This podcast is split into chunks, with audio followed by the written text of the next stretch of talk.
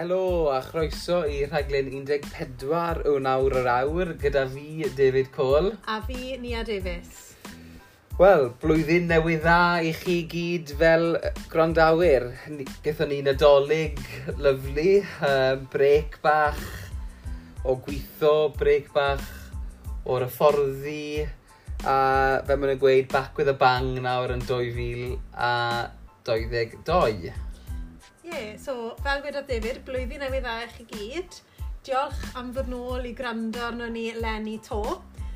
Yn y rhaglen heddi, i ni'n mynd i adlewyrchu nôl ar yn 2021.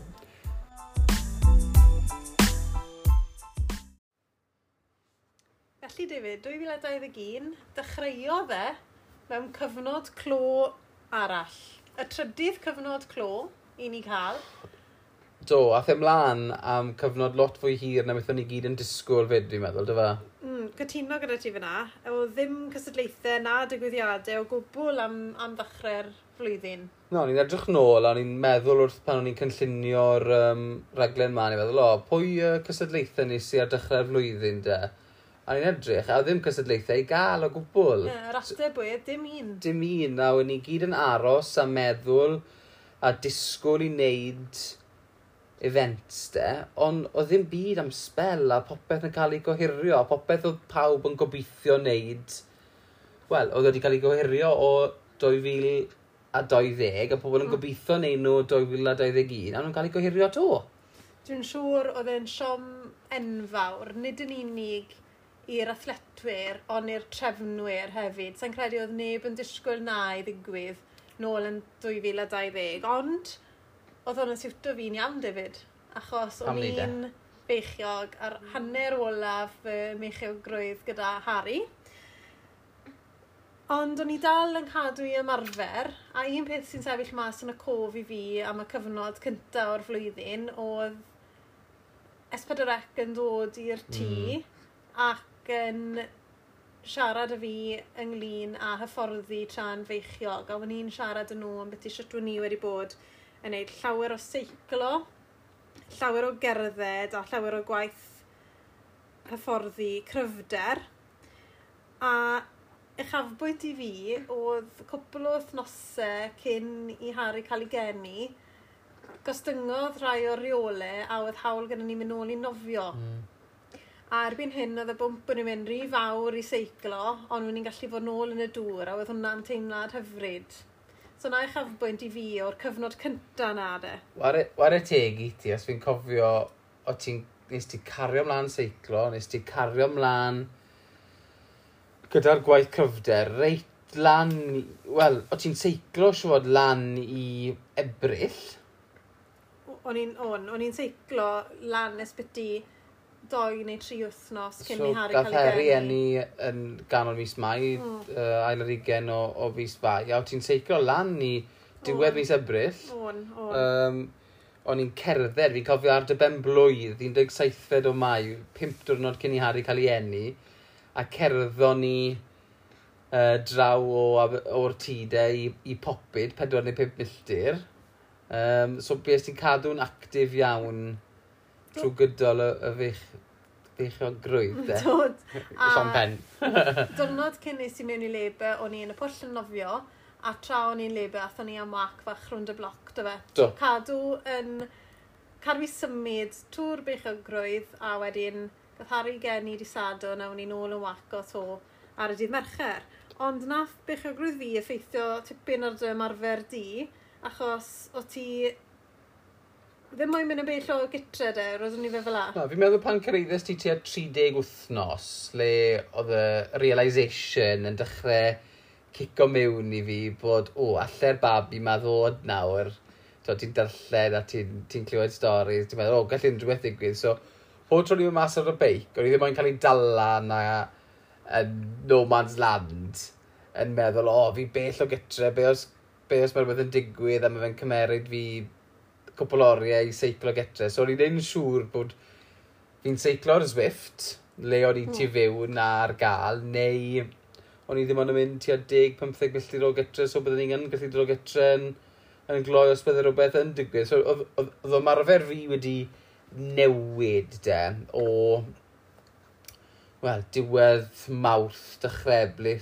diwedd mawrth fel amlan. A nath hwnna bwrw i tuag at gwneud challenge, dy fe? Um... O, cymerus di mantis ar yr, uh, o'r cyfle yma i wneud cwpl o siansiau yn y tŷ, de? Neu yn y, y gym sydd yn, ni'n yn yr ardd.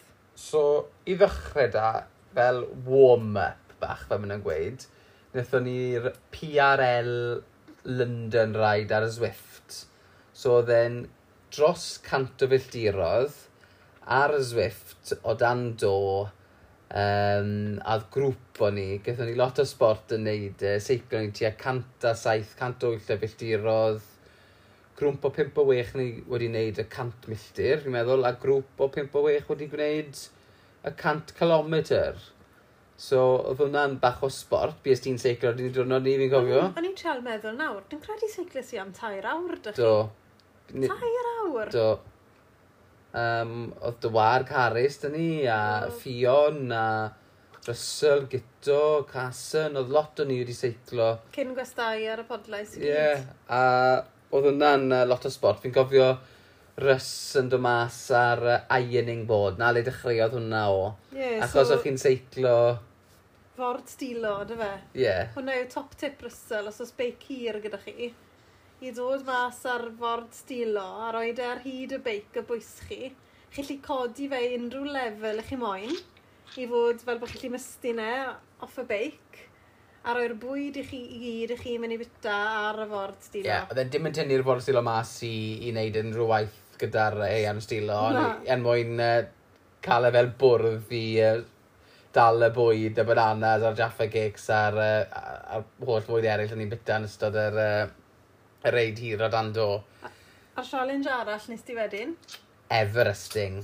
O'n i, fi wastad wedi ed edmygu pobl sydd wedi uh, neud y challenge Everesting, a wedd e'n tipyn o gamp, a wnaethon ni rhaglen ar Everesting nôl yn, wel, llynedd e, ar ôl i ni... Mis Ebrill. Yn mis Ebrill llynedd.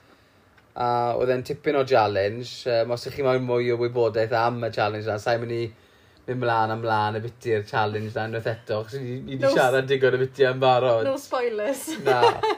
Cerwch yn ôl i gryndo ar, yr, ar y penod na. Um, Rai fi weid, fi'n credu gathon ni bach o extended lockdown, David, o ti yn cynnwys yn hwnna, gan bod ti ddim yn mynd yn bell o gytre ac yn y blaen. Ath yr cyfnod clo ni mlaen bach yn hirach na un pob un arall. Athe mlaen, athe mlaen. Ond oedd e'n cyfnod da, cyfnod hapus i'r ddoi ni, na wedi'n. E? Ganwyd Harry wedyn, yn mis Mai oedd, ges i syndod y byti pa mor yn ffit o'n i'n teimlo ar ôl i Harry cael ei geni, oedd curiad y galon lan yn uchel iawn, just yn cerdded, just yn cerdded o gwmpas unrhyw fath o rhyw fach on, oedd y curiad y galon yn mynd yn uchel dros ben a oedd hynna wedi syni fi, ond fel dath amser mlaen, neu ti'n bach yn fwy, ti'n bach yn fwy, yn araf iawn, Dwi'n ni'n teimlo fe'n y ffitrwydd yn dod nôl am weddol gloi. Dath e yn ôl yn eitha da gyda ti mm. i, i, bod yn deg, twod, a nes ti e edrych nôl nawr 7-8 mis wedi'r genedigaeth, nes ti ddim gwyllti bethau, bues ti'n gall, de, nes ti'n gwrando ar Jade Knight. Do. A nôl i gryndo ar penod Jade Knight, os ydych chi'n moyn clywed mwy yn beth i'n hyfforddi tra'n feichiog fi'n edmygu y ffordd nes ti rownd yr holl beth, achos nes ti ddim rwsian ôl. Mm -mm. Bys ti'n gall iawn gyda'r gwaith cryfder bys ti'n neud. Nes ti lot o waith cryfder um, cyn mynd nôl i wneud unrhyw fath o rhedeg, cyn i fynd nôl i wneud unrhyw fath o seiclo, really, fyd. So, so am y misoedd cynta, na gyd nes i oedd gwaith cryfder a cerdded. Mm. um, gwaith cryfder 20 munud, hanner awr pan o'n i gallu. O'n i'n dilyn cwrs kettlebells a cwrs low interval intense training, yma mm. chi'n galw fo? Low intensity interval training, ie, yeah, na'r un. Am misiodd na gyd o'n i'n neud cyn mynd nôl ar y beic a wedyn halodd i chwech mis i fi ddechrau redeg to. A dwi'n credu falle na'i rhaglen yn sôn y beth i fy nôl i yfarfer ar ôl uh, cael babi, achos mae'n ma diddorol iawn y beth i mm. um, siwt chi fod wneud e, ar, ar bethau chi ddim fod wneud. Ond nath um, Harry yn cyrraedd effeithio ar ymarfer di hefyd, David, a oedd y strwythyr wedi mynd mas drwy'r ffenest. Oedd e'n galed i fi ar y dechrau, achos dwi'n person sy'n um, licio cael strwythyr, licio gwybod pryd fi wneud pethau, faint bod, pwy amser o'r dydd dwi'n mynd i ymarfer, pryd dwi'n mynd i godi, pryd, ti'n bod, a ffeindio si yn anodd ar y dechrau i cael unrhyw fath o strwythyr i'r dyddiau, achos oedd e'n sioc, mm. ti'n bod. Um, fel mae amser wedi mynd mlaen, ni wedi ymdopi a, a pethau'n iawn nawr, ydyn nhw, ond ar y dechrau nath e effeithio yn ymarfer fi de, o ran o'n i wedi disgyn eitha gloi, taw dim byddwn ni'n ffili wneud pethau pri o'n i moyn wneud pethau, o'n i'n wneud pethau pri oedd y babi'n barod i wneud pethau, so os o'n i'n moyn ymarfer am un, felly byddwn ni'n ffili ymarfer am un, achos oedd, oedd y babi'n eisiau newid i'n apiau, neu oedd e'n llefen, neu oedd e'n... A ah. trwy, trwy wneud hwnna, nath ymarfer a strwythur y dydd newid lot gyda fi, dy fe? Do, ond yn credu un peth nes di wneud oedd ymarfer lot mwy yn y bore cyn bod Harry'n codi, so oedd hwnna'n help fawr. O, helo Harry, ti'n clywed enw ti? A mae'n newid un o.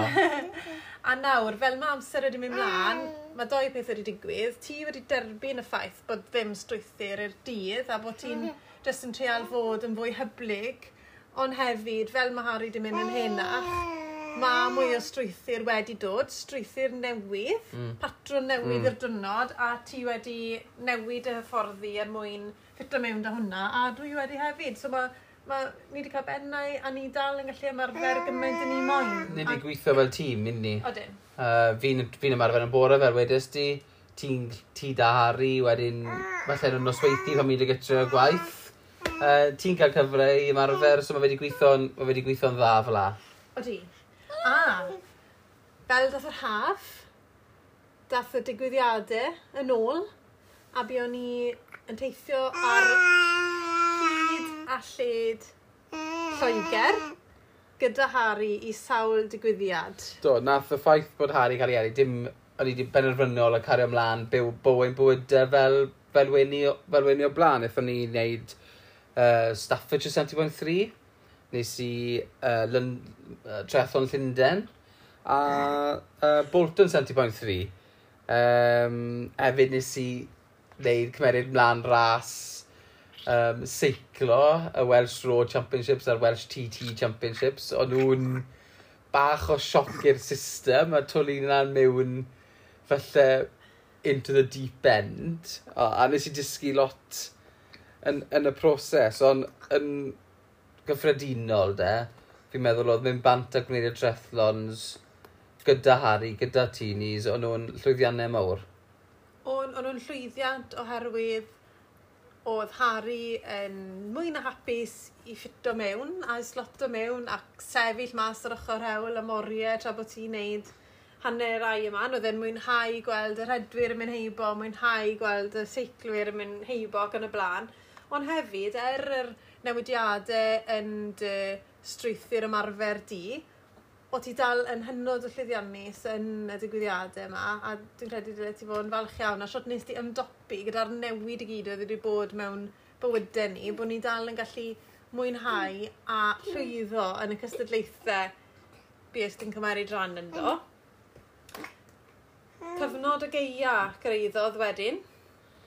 Do, so oedd y trethon diwetha o'r season, de, wnaethon ni uh, lan yn Bolton, dath mam a dad lan dan i hefyd, so nes i Bolton 70.3, ath y ras yn dda, to ni wedi cael good perfformiadau dan, Stafford a Llundain, ddyn ni Bolton, ac ethon ni gwyliau bach neis gyda'r teulu ar ôl Bolton, o'n i fod mynd i Cona, mm. ond digwyddodd hwnna ddim, so gyda ni wythnos ar ôl Bolton 70.3 yn y Peak District. So, a dwi'n credu amser hyn o'n i'n teimlo am y tro cynta bod fy ffitrwydd i'n ôl, oherwydd o'n i'n neud wace o 8 milltir, mm. a o'n i'n teimlo'n grif, o'n i ddim yn teimlo yn mas o anal, o'n i ddim yn teimlo wedi blino, wneud y, y cerdded, yn wedi y diwrnod nath o'n i ddringo i gopa y mynydd o'r enw Mam Tor.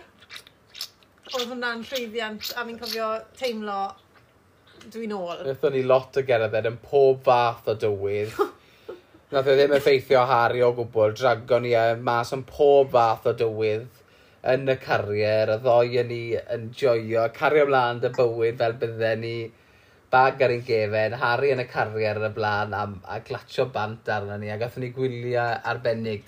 Harry, drwy gyntaf fi bod yn y dŵr da Harry, i, i nofio dy ge. Uh, fi'n fi siŵr bydd e'n nofio'n well na'i dad efo'n amser bod e'n gallu cerdded. um, a do, oedd e'n neis cael mam a dad na Dani a, a gwyliau cyntaf fel, fel teulu. A ar ôl dyn ôl o'r gwyliau na, ar ôl teimlo'r ffitrwydd ar y mynydde, penderfynnes i bod e'n amser i fi mynd nôl i rhedeg, A dechreuais i wneud um, rhaglen Couch to 5K ar y treadmill i ddechrau da, y reswm penderfynnes i dechrau ar y treadmill oedd oherwydd does ddim yn gymaint o impact ar y treadmill a weis ar yr, ar y ffordd, ond hefyd, os o'n i'n penderfynu bod fi ddim mor grif a o'n i'n meddwl, bod fi'n penderfynu o, sa'n credu bod fi'n barod i mynd nôl i rhedeg, dwi jyst yn gallu stopo'r treadmill o ddim pellter da fi i ddod nôl, a bydde ddim yr temptation yna da fi i gweud, o, oh, jyst rhedeg gytre, a falle wneud niwed yn hunan, ond O ddim eisiau fi becso achos touch wood. Mhm. Popeth o'r i'n mynd yn iawn a dwi wedi joio rhedeg mas draw. Nes i cwpl o thnosau'r Couch to 5K ond erbyn y Nadolig penderfynnes i rhedeg 5 km heb stopo. Dath David a Harry da fi, ni wedi prynu running buggy Harry nawr hefyd a redes i fy 5 km cynta yn 9 minute miles a wedyn ar noson calan. Ie. Yeah. Wel, dwrnod, dyn ni wedi, dim yn y nos. Um, redodd y tri o ni. 5 km dan gilydd. So. Ond tries i wneud e mor gloio yn i gallu. A ges i ben o wneud e mewn, wel, just dan 25 munud, de. Ti, 7 munud a 58 eiliad, efe? pob milltir? Ie, yeah, do. So, so ti dan... dan 8 munud pob milltir. On.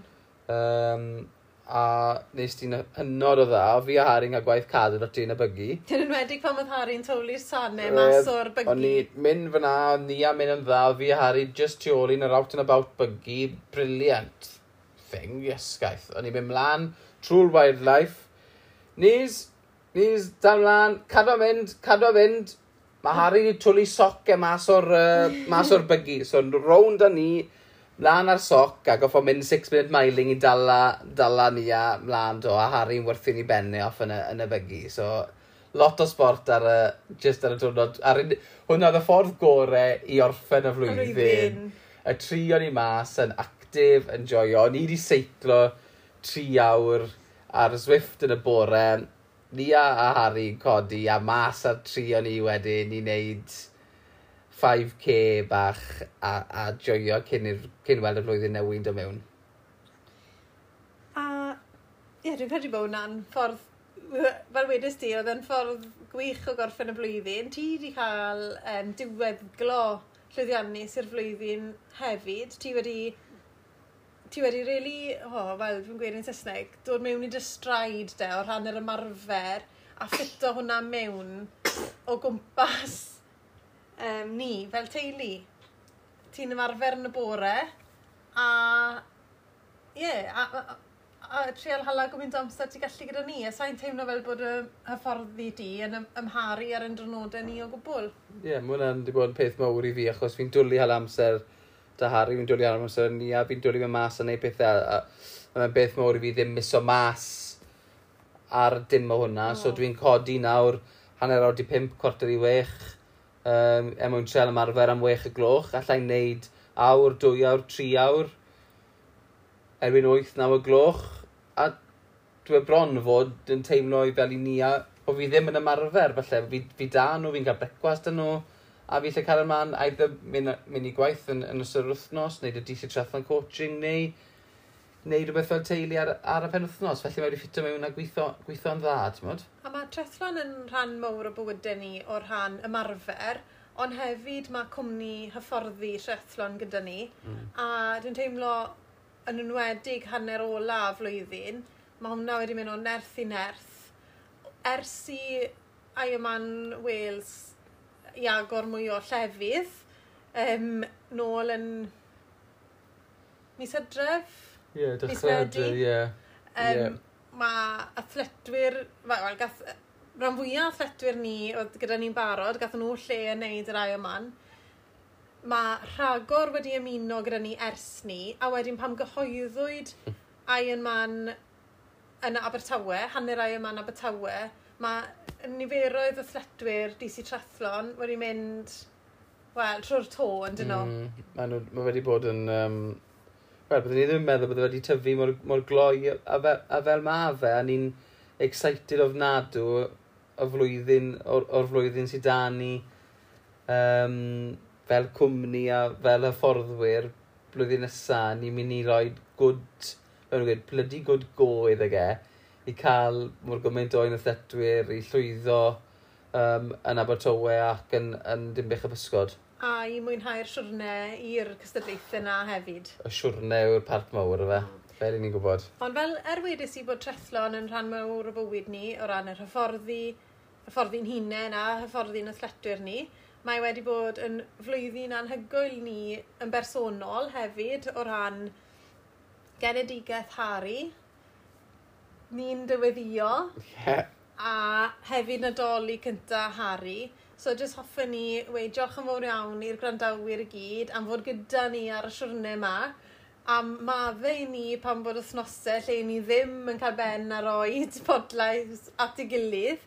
So, diolch yn fawr iawn i chi am eich cefnogaeth i ni fel um, podledwyr, ond hefyd yn bersonol yn ystod y flwyddyn ddiwethaf.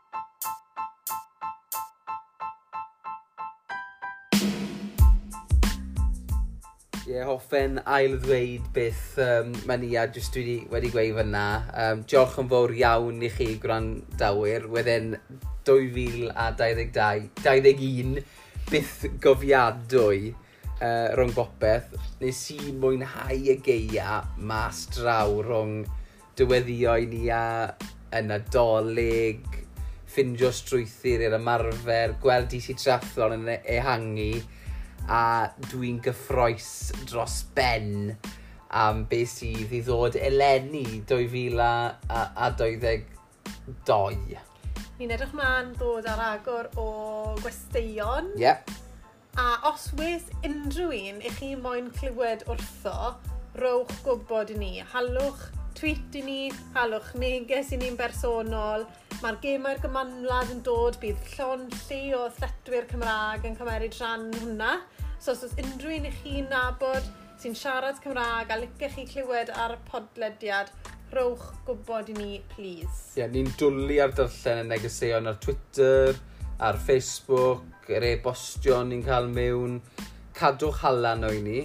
Mae'n mynd i fod yn tipyn o flwyddyn yn y byd trethlon gyda Ironman Cymru y degfed flwyddyn. Ie, yep, o'r diwedd. Um, Ironman 70.3 Abertawe, le i fi a ni am ni fod yn cystadlu a nifer o'n effeithwyr, bydd hwnna'n tipyn o beth i Abertawe. Dwi'n credu, dwi'n teimlo fel bod rhan fwyaf 90% o trai athletwyr Cymru yn mynd i fod yn Abertawe. A mae fel yn mynd i fod Welsh Champs. Odi, mae fe. Um, Mae'r gemau gymonrad yn Birmingham. Mae fe mynd i fod yn anferth fel wedodd Non Stanford ar y prodlais dyn ni ddiweddar. Felly os, os unrhyw athletwyr i chi moyn glywed am sydd mynd i fod yn Carafan Cymru, rowch wybod i ni, gewn nhw ar, gewn nhw ar y podlais. A byddwn ni'n bennu'r flwyddyn yn Cona. Wff rownd y gornel. Yr uchaf bwynt. Felly ymunwch gyda ni ar y siwrne. Mae'r siwrne yn cadw i fynd, y siwrne trethlon. Diolch i chi gyd am y cefnogaeth a ni'n edrych mlaen i glywed wrthoch chi yn 2022.